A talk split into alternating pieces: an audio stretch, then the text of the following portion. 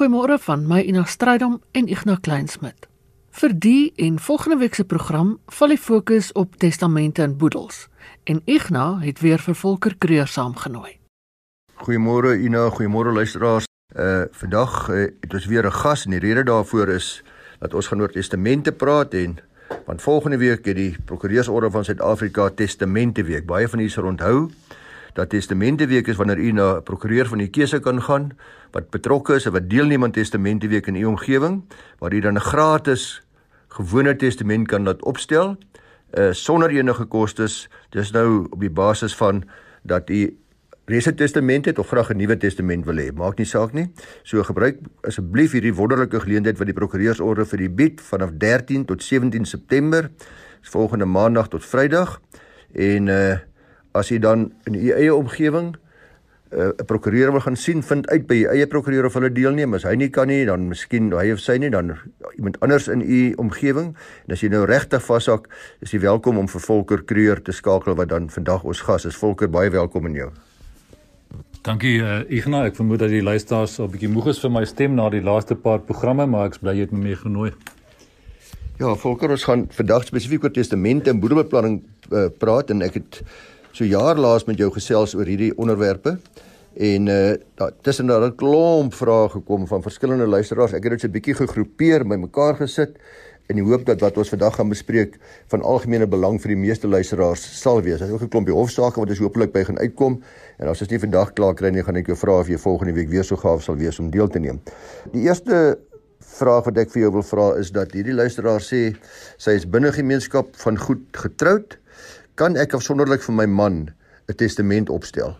Sy kan ja, Dit is gewoonlik egter makliker om 'n gesamentlike testament te doen waarin jy duidelik uiteensit wat gebeur as die man eers te sterwe kom, wat gebeur as die vrou eers te sterwe sou kom en wat gebeur as hulle albei saam tot sterwe sou kom, maar daar's geen reël wat sê dat 'n mens 'n gesamentlike testament moet doen. Daar is jy binne gemeenskap van goedere getroud en daar is daar 'n gesamentlike boedel wat dan ook deel gaan vorm van die bestorwe boedel, kan jy nog steeds te enige tyd jou eie testament verlei. Volker ja, die volgende vraag kom van 'n net een luisteraar af wat sê sy wil veras word. Is dit nodig dit het, dat dit in my testament bevestig moet word? Wat daarvan as ek my organe wil skenk, vra sy.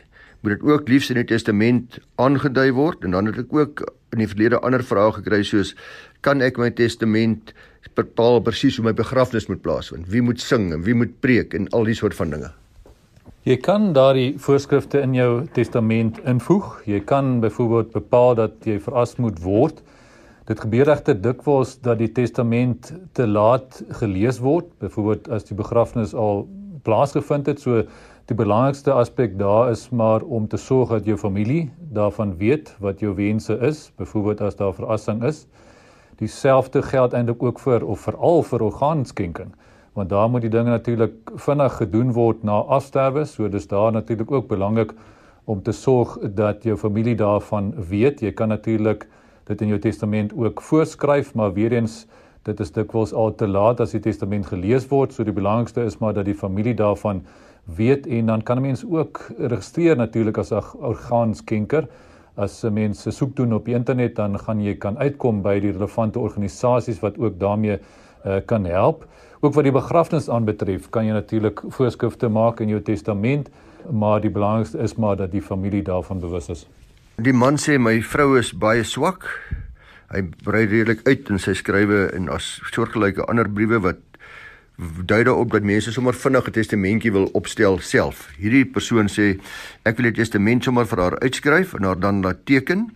Nou hierdie brief is al 'n paar maande oud, maar ek het hom dadelik geskakel volker en vir hom gesê dit gaan nie werk nie, maar ek dink jy moet ook vir ons ander luisteraars net 'n aanduiding gee.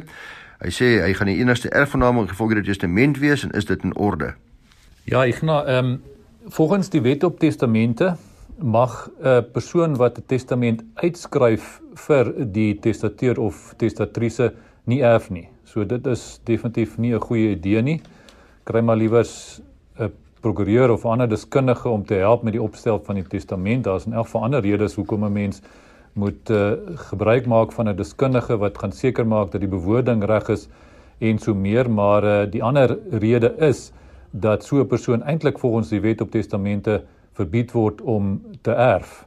Daar is 'n uitsondering op daai reël. Een van hulle is dat ehm um, as die persoon wat die testament uitgeskryf het in elk geval nie meer erf volgens die testament as wat hy intestaat sou erf of sy intestaat sou erf, dan is dit in orde, dan is dit nie 'n probleem nie. Maar mens wil nie met daai kopseere sit nie. So maak maar liewer uh, seker dat jy nie 'n testament vir iemand uitskryf as jy 'n erfgenaam gaan wees uh, in gevolge daai testament. Dan 'n belangrike vraag wat baie gereeld voorkom, dit is dat uh, ek wil graag my kinders of my kleinkinders uh, laat erf. Dis nie 'n probleem nie, maar nou het my kind bates gekry, iewers iets geërf of ek geskenk deur sy ouers, kan so 'n kind 'n testament verlei, opstel. Die wet op testamente skryf voor dat 'n persoon wat 16 jaar of ouer is, 'n testament kan verlei. Terloops, 'n persoon wat 14 jaar of ouer is, kan as 'n getuie teken. Maar wat die verleiding van 'n testament aanbetref, moet jy ten minste 16 jaar oud wees. So ja, 'n minderjarige, uh 16 jaar of ouer, kan inderdaad sy eie testament teken. Maar wat gebeur nou so so 'n jong kind nou sterf sonder 'n testament en my het wel bates? Ja, dan sal die wet op intestate erfopvolging voorskryf wie moet erf. So dit geld vir 'n kind, 'n minderjarige kind of enige ander persoon wat sonder 'n testament tot sterwe kom. Daardie testament het dan uh, voorskrifte oor wie wat moet erf. Nou dikwels gaan dit natuurlik nie in lyn wees met wat die erflater of die familie sou wou gehad het nie. So as jy 16 jaar of ouer is en veral as dit 'n kind is wat al bates uh, besit wat wat van 'n uh, uh, uh, waarde is en so meer, dan is dit maar beter om 'n uh, klare testament te verlei. Net vanoggend kry ek geskrywe volker van iemand wat weer vra vir ons insolventie klousule wat ons al vir honderde luisteraars gestuur het wat voorsiening maak vir wat gebeur as een van jou erfgename insolvent is en dit is nog steeds beskikbaar vir die wat u belangstel. Jy kan maar net skryf na my toe by igna by vvd.co.za en ek sal vir jou gratis uh, klousule stuur wat u in die testament kan invoeg of vir u prokureur vra om in te voeg by u testament. Maar hierdie persoon skryf, hy sê maar hy wil so 'n klousule hê asseblief, ek het dit vir hom aangestuur, maar hy sê maar my kind is 'n dwelmverslaafde. En ek wil graag ook hê dat hy nie self die geld moet kry nie en en behoorlik versorg moet word kan kan dit sommer in daai insolventie klousule ingevoeg word. Volker? Ek sou voorstel dat 'n mens maar net 'n afsonderlike klousule voorsiening maak vir die oprig van 'n trust vir daardie dwelmverslaafde erfgenaam. Die insolventie klousule ehm um, handel gewoonlik net met die risiko van 'n insolventie van 'n erfgenaam. Met ander woorde om te sê dat indien 'n erfgenaam insolvent sou wees, dan gaan daardie erfposse nie na die insolvente erfgenaam nie om dit weg te hou van skuldhuisers. Dit gaan na 'n trust toe totdat daardie uh insolvente erfgenaam weer gerehabiliteer is. So in die geval van 'n dwelmverslaafde erfgenaam sou ek eerder voorstel dat 'n mens dan 'n afsonderlike klousule voorsiening maak vir die oprig van 'n trust en 'n mens heg dan gewoonlik ook die trustakte aan die testament wat dan voorskryf hoe die testamentêre trust vir die dwelmverslaafde erfgenaam gestig moet word.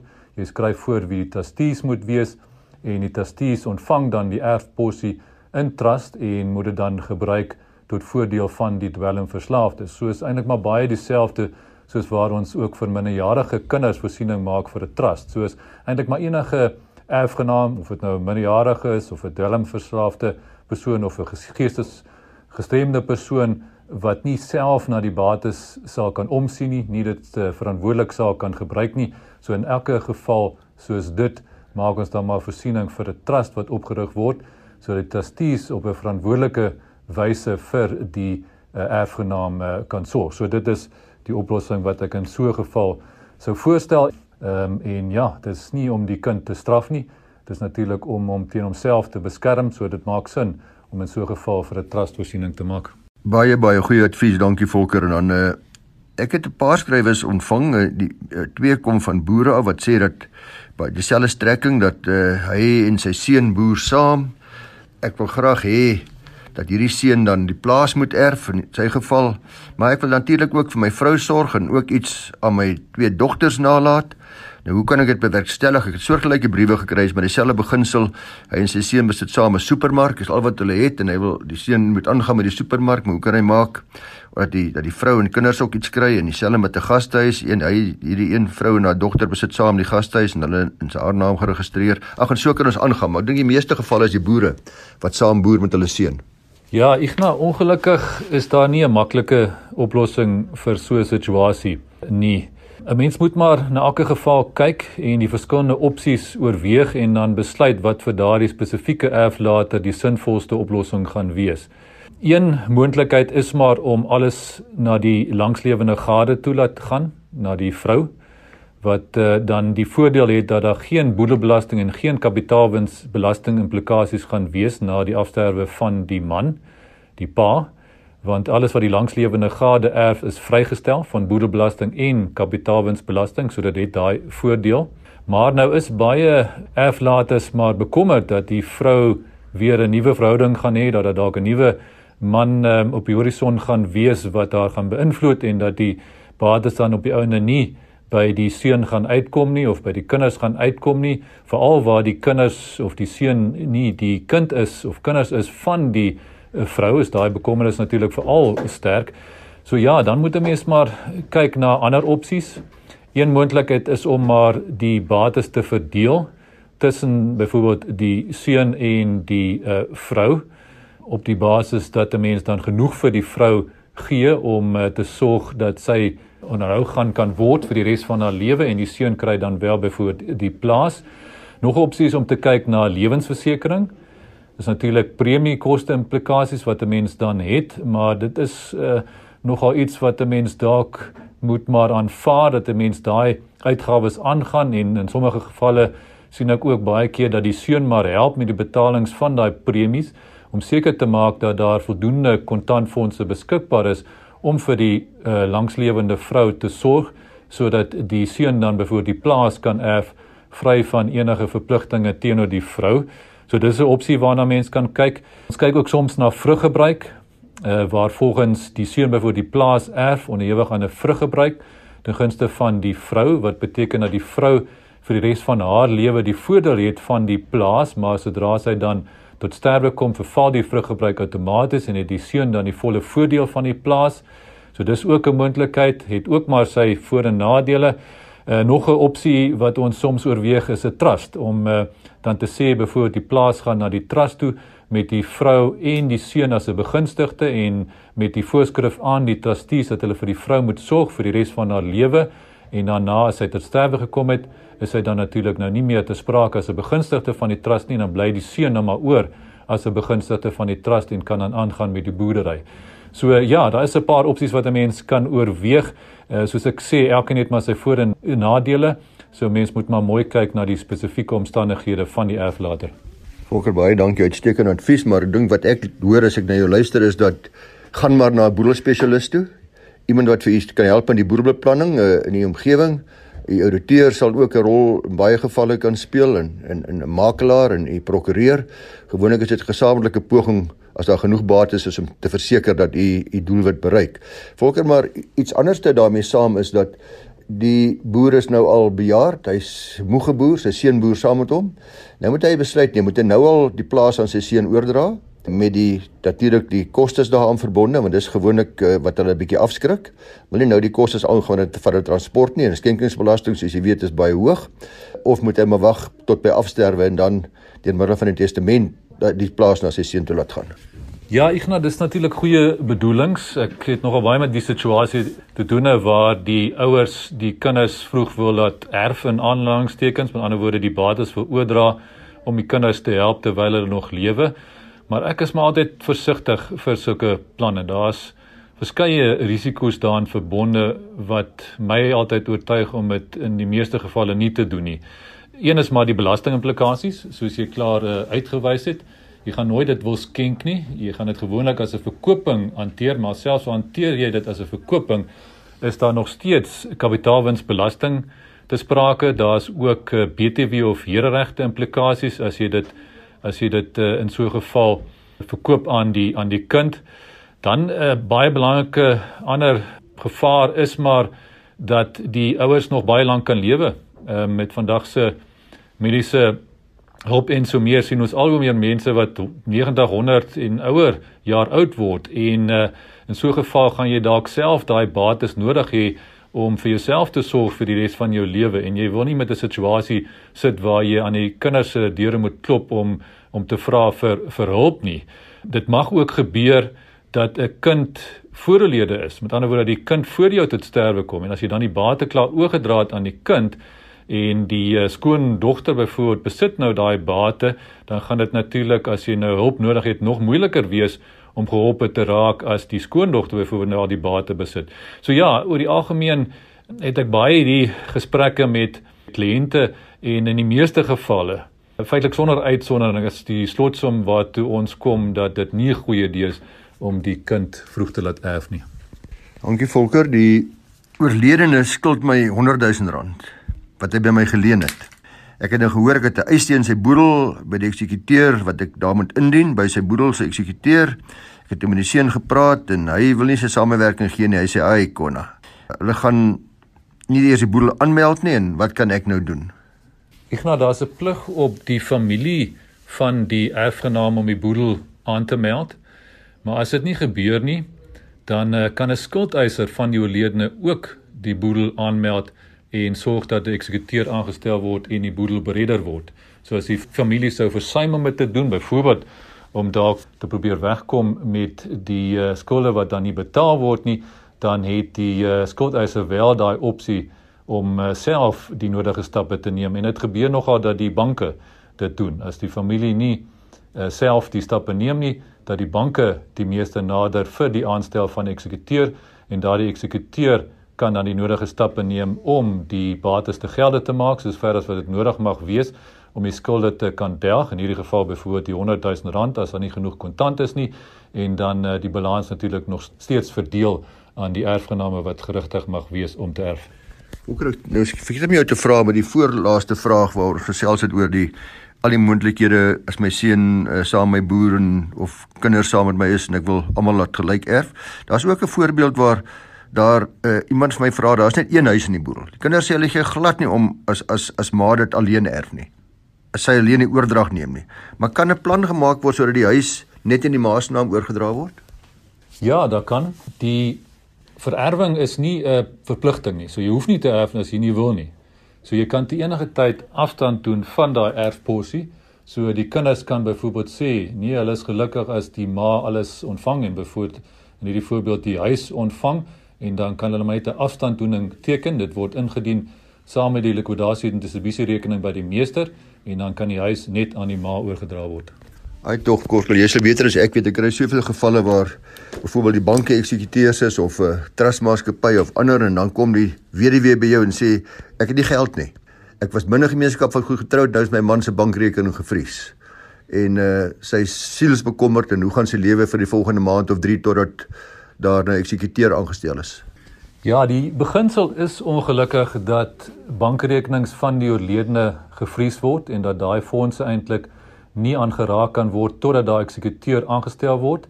Verder veral in hierdie grendelde tye as gevolg van die uh, COVID-19 pandemie vat dit nog langer dikwels as uh, voorheen om 'n eksekuteursbrief uitgereik te word. So dit is nogal 'n uh, bekommernis wat baie erfgename het of hulle dan die voldoende fondse kan hê.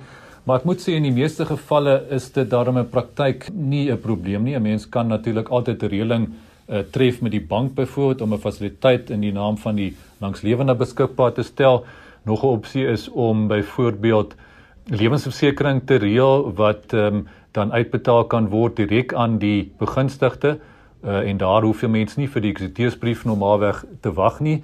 Die uh, bedrag kan uitbetaal word direk aan die vrou byvoorbeeld en hoef nie in die boedel rekening van die uh, bestowwe boedel gestort te word nie um, en so meer. So daar is daarom uh, oplossings wat 'n mens uh, kan kan uh, vind vir elke geval waar daar fondse nodig is. Maar ja, uh, mens moet maar daarvoor beplan soos deel van die boedelbeplanning en opstel van die testament is die kontantposisie van die langslewende gade onmiddellik na afsterwe natuurlik altyd iets waarna mens behoorlik moet kyk.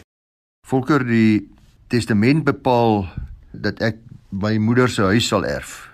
Maar ek is al ver uh, met my planne in Suid-Afrika as dit deesdae niks snaaks nie om te immigreer na Australië toe, maar ek wil graag hierdie huis nou verkoop, die geld hê voor ek weggaan, maar die testateur, die eksekuteur sê vir my hierdie boedel gaan nog 'n jaar vat om afgehandel te word. Kan ek 'n plan maak? Ja, niks bly jy vra daai vraag want daar is 'n persepsie dat die huis eers in gevolge die testament oorgedra moet word aan die erfgenaam voordat dit verkoop en oorgedra kan word aan 'n koper. Maar dit is gelukkig nie so nie. Die wet maak voorsiening daarvoor dat die eksekuteur met toestemming van die erfgenaam en die meester die huis uit die boedel kan verkoop. En dan uh, het jy ook die voordeel dat die koper van daai huis die transportkoste betaal, so jy het daar 'n besparing wat jy kan bewerkstellig, want andersins sou die transportkoste van die eh, oordrag van die eiendom na die erfgenaam uit die boedel betaal moet word. Nou word dit deur die koper betaal, so jy daai voordeel. En dan het 'n mens ook die tyd wat jy kan bespaar deurdat jy dit uh, intussen kan afhandel, die uh, verkoping en die transport en nie hoef te wag vir die goedkeuring van die likwidasie en distribusie rekening op die einde van die dag nadat al die ander goed in plek is. So daar is stappe wat 'n mens intussen kan neem om daardie um, huis te verkoop. So daar's geen geen verpligting op 'n erfgenaam om erfposie te ontvang nie as hy gelukkig is om dit te verkoop, dan ehm um, kan dit intussen gebeur. Wat ek dalk in die verband ook moet uitwys, voorskrifte in jou testament dat 'n uh, eh, bate nie verkoop mag word nie of verkoop moet word nie, is myns insiens nie 'n goeie idee nie. Dit is maar 'n geval waar jy nie uit jou graf boot eh, te regeer nie. Na my mening, laat dit liewers oor aan die eksekuteur en die erfgename om te besluit na aanleiding van omstandighede op daardie stadium of hulle die bate inderdaad wil verkoop of nie. Dan 'n vraag wat so gereeld soos klokslag by alle prokureurs opduik is ek is nie seker wat my regte is en my diskresie is om trustees vir die trust vir my kinders aan te wys. Wie moet ek aanwys? Is daar statutêre verpligtinge op my of kan ek enige Jan Rappin se maat aanwys? As uitgangspunt kan jy aanwys wie jy wil as trustee.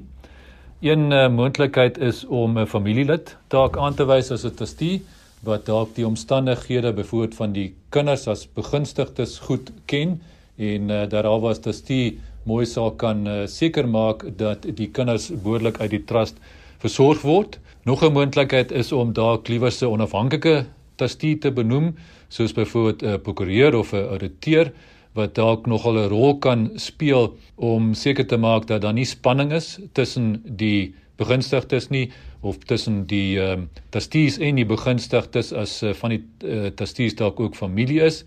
So so 'n onafhanklike trustee wat dan ook dalk die nodige kundigheid het oor die stuur van trust kan daar ook nogal 'n belangrike rol speel. Nog 'n moontlikheid is om dalk maar uh, albei aan te stel. Iemand uit die familie as 'n trustee wat die uh, kinders uh, byvoorbeeld goed ken en dan 'n onafhanklike trustee wat uh, daardie rol kan speel en kan seker maak dat die sake van die trust behoorlik bestuur word. Volker hoe gemaak met vuurwapens? Dit is so groot dameletjie met al die wetgewing en die mense wat bekommerd is, is daar bestaande lisensies kan dit oorgedra word.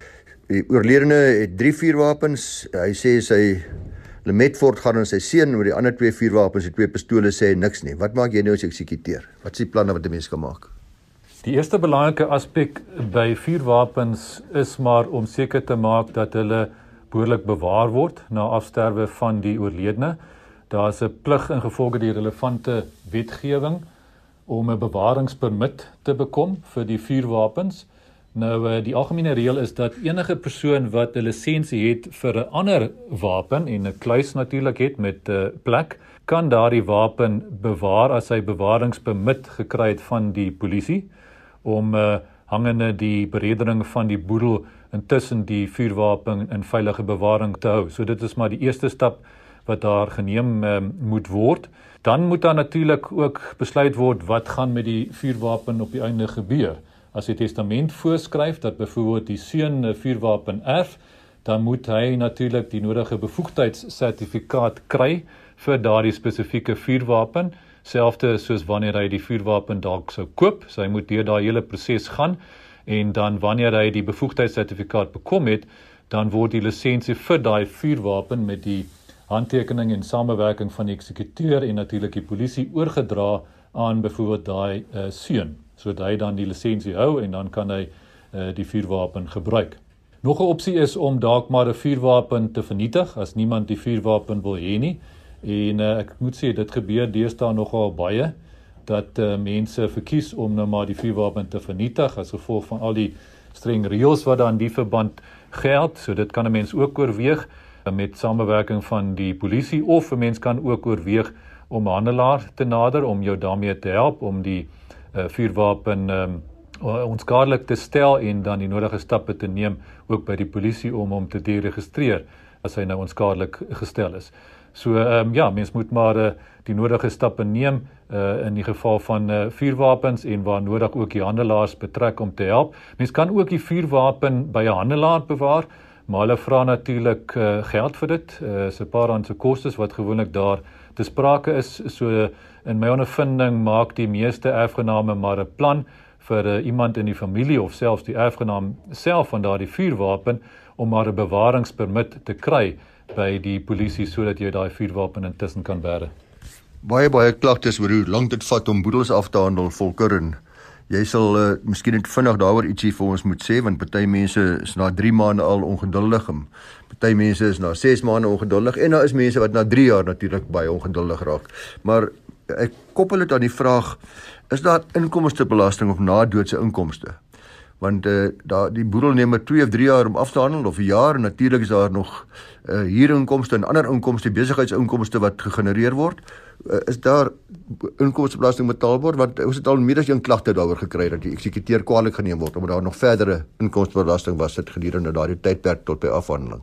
Ja, ek na elke boedel moet afsonderlik geregistreer word vir belasting, inkomstebelasting spesifiek ook en moet daar ook opgawes ingedien word en 'n aanslag bekom word. So al was die oorledene vir belasting geregistreer en daar is sy belastingsaake op datum gewees op datum van sy afsterwe, moet die boedel ook afsonderlik aangemeld word, geregistreer word en die opgawes uh, moet hanteer word.